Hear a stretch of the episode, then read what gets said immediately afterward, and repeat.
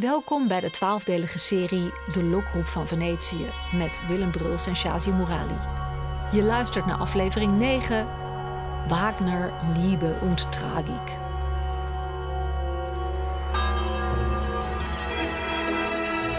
Willem, ik droomde jarenlang van Venetië en ik ben er geweest een jaar of tien. Ik zag alleen maar een toeristenmassa, kitschwinkeltjes. Ik heb de stad niet gevonden, dat gevoel dat ik zo... Ga jij mij het Venetië waar ik van heb gedroomd laten vinden? Er zijn die vele toeristen en die toeristenstromen en die winkeltjes.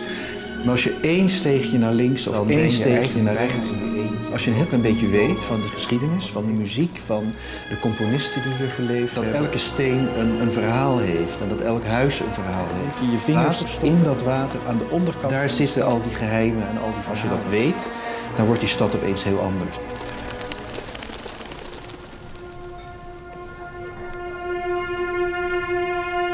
Liebe, En toen ging de pen heel langzaam naar beneden. Hier, Palazzo Vendere, bij zijn vorige reis had hij hier al een etage gehuurd om hier terug te komen. Wagner kwam hier binnen en zei: Eindelijk een huis dat mij waard is. Al die kamers die werden helemaal ingericht. Artificiële bloemen, parfums. Het was echt een hele rare wereld waarin hij wilde verkeren. Hij wist wie hij was. Hij wist wat hij wilde. Hij wist wat hij nodig had om te kunnen doen wat hij wilde. En hij zorgde dat hij het kreeg. Ik bewonder hem. Er zijn maar weinig mensen in de muziekgeschiedenis die bereikt hebben wat hij heeft bereikt. Deze Tristaan wordt iets verschrikkelijks. Deze laatste acte. Ik vrees dat de opera verboden wordt als er al geen karikatuur van gemaakt wordt door een slechte uitvoering. Alleen middelmatige uitvoeringen kunnen me redden. Volledig gelukte zullen de mensen gek maken. Ik kan het me niet anders voorstellen. Dat het zover met mij heeft moeten komen. O wee. Richard Wagner.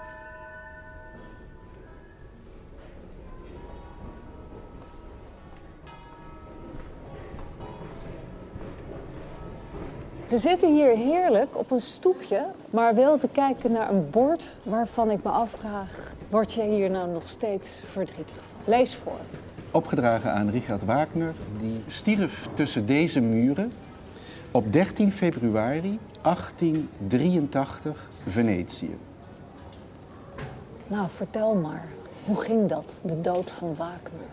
Hij kwam uit Bayreuth, daar had hij zijn tweede festival georganiseerd, waar Parsifal voor het eerst in première was gegaan.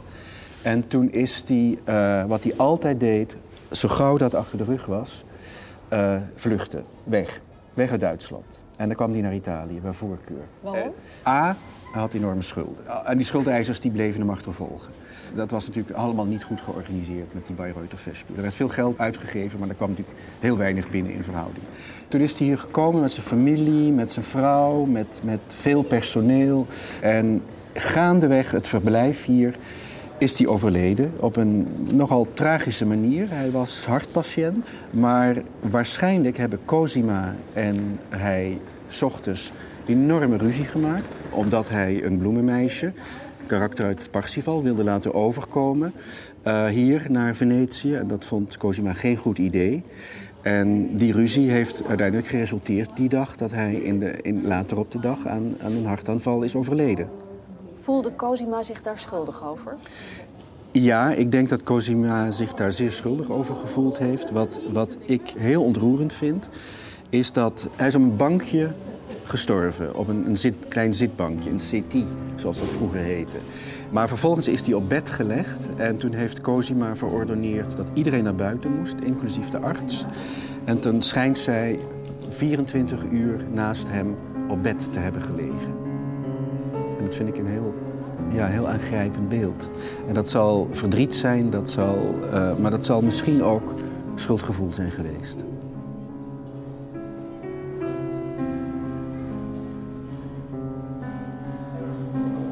Luister, dit is een palazzo uit de 15e eeuw, maar het is nu een casino geworden.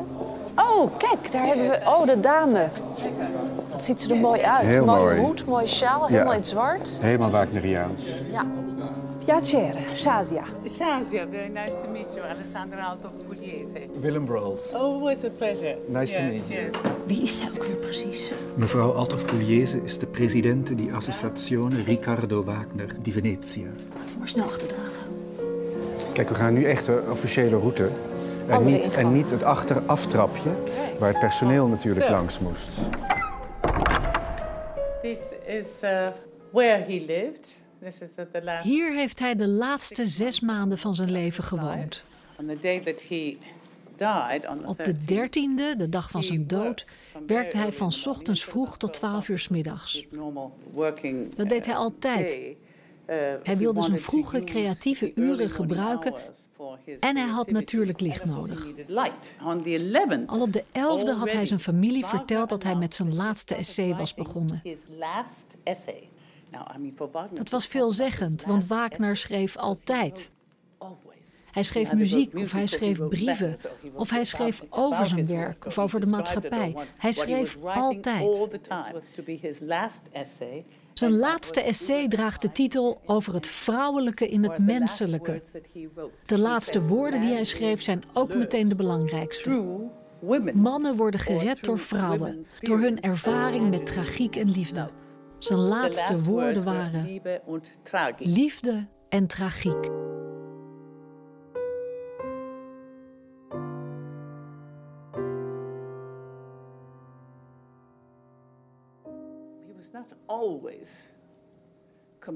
Wagner was niet altijd gelukkig hier. Ook hier had hij meningsverschillen met Cosima. Maar hij was nergens helemaal gelukkig. Hij was zeer gehecht aan Venetië. Hij is hier zes keer geweest. Altijd op zoek naar troost, naar bescherming. Om hier zijn leven, zijn muziek, zijn toekomst terug te vinden. De eerste keer ontvluchtte hij de affaire met Mathilde Wezendonk. Natuurlijk heeft deze waarschijnlijk platonische relatie hem geïnspireerd tot de tweede acte van Tristan. Zo heeft hij zich voorgesteld dat het had kunnen zijn. Zij was zijn muze.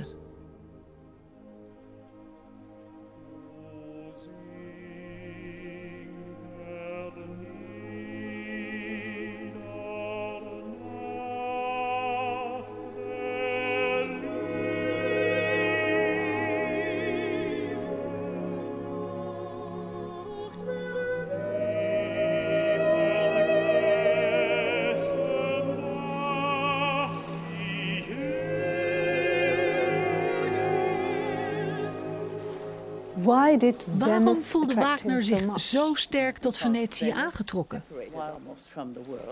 Venetië is een andere wereld. Het is een eiland, omringd door water, de steeds veranderende kleuren, de geluiden, de schoonheid van de paleizen, het internationale niveau van de mensen die hij hier ontmoette, de afwezigheid van storende geluiden, de historische architectuur. Dat allemaal samen, Venetië is een Gesamtkunstwerk.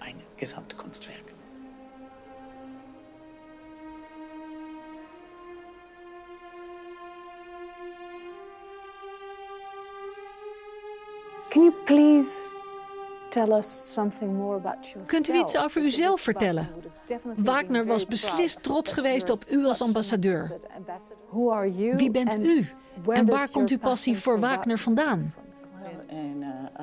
Dat is een lang verhaal.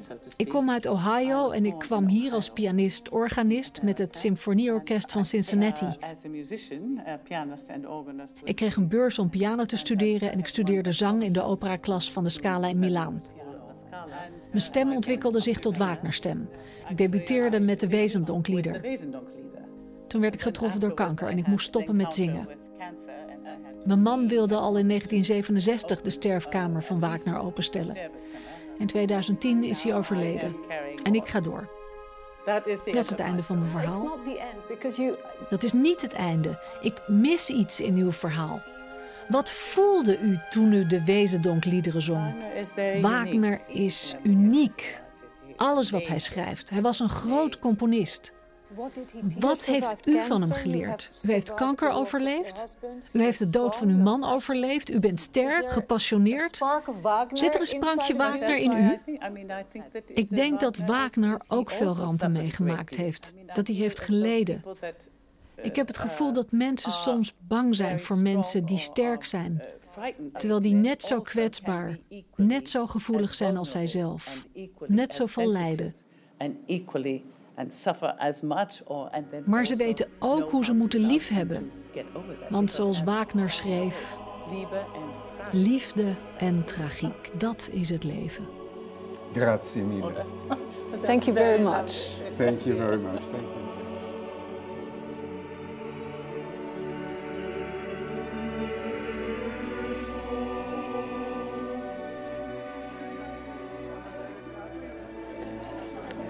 Weet je wat mij ontzettend ontroerde aan haar? In die één of twee woorden hoor je wat zij zelf allemaal heeft moeten overwinnen. En snap je hoe zij kracht en inspiratie put uit dat monumentale werk en uit de discipline van die meester om zelf door te gaan. Liebe Tragik. Eigenlijk heeft ze alles achter zich gelaten. Haar gezondheid, haar man, haar, haar, haar jeugd. Ze is, ze, ze is eigenlijk losgekomen van dat alles. En heeft misschien in het werk van Wagner een staat van voorlopige verlossing bereikt. De verlossing bij Wagner is de poging om alle driften, alle verlangens op te heffen. De vergeestelijke, uh, in een andere dimensie terecht te komen. Dat is eigenlijk Parsifal. En intussen overleeft zijn werk alles.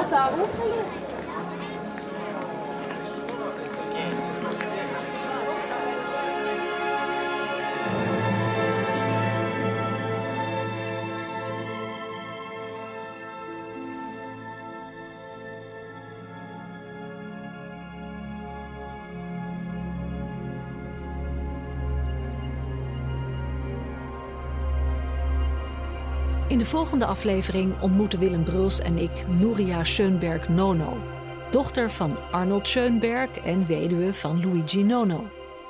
Nono was Venetiaan en muziekvernieuwer. Hij liet zich onder andere inspireren door de geluiden van de stad.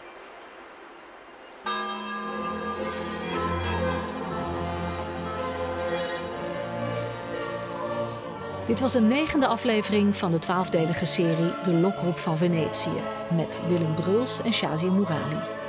Productie en regie Aletta Becker, sounddesign en techniek Hubert Boon, eindredactie Frans van Gurp. En deze co-productie van NTR en Aletta Becker Producties kwam tot stand met steun van NPO Radio 4 en het NPO Fonds.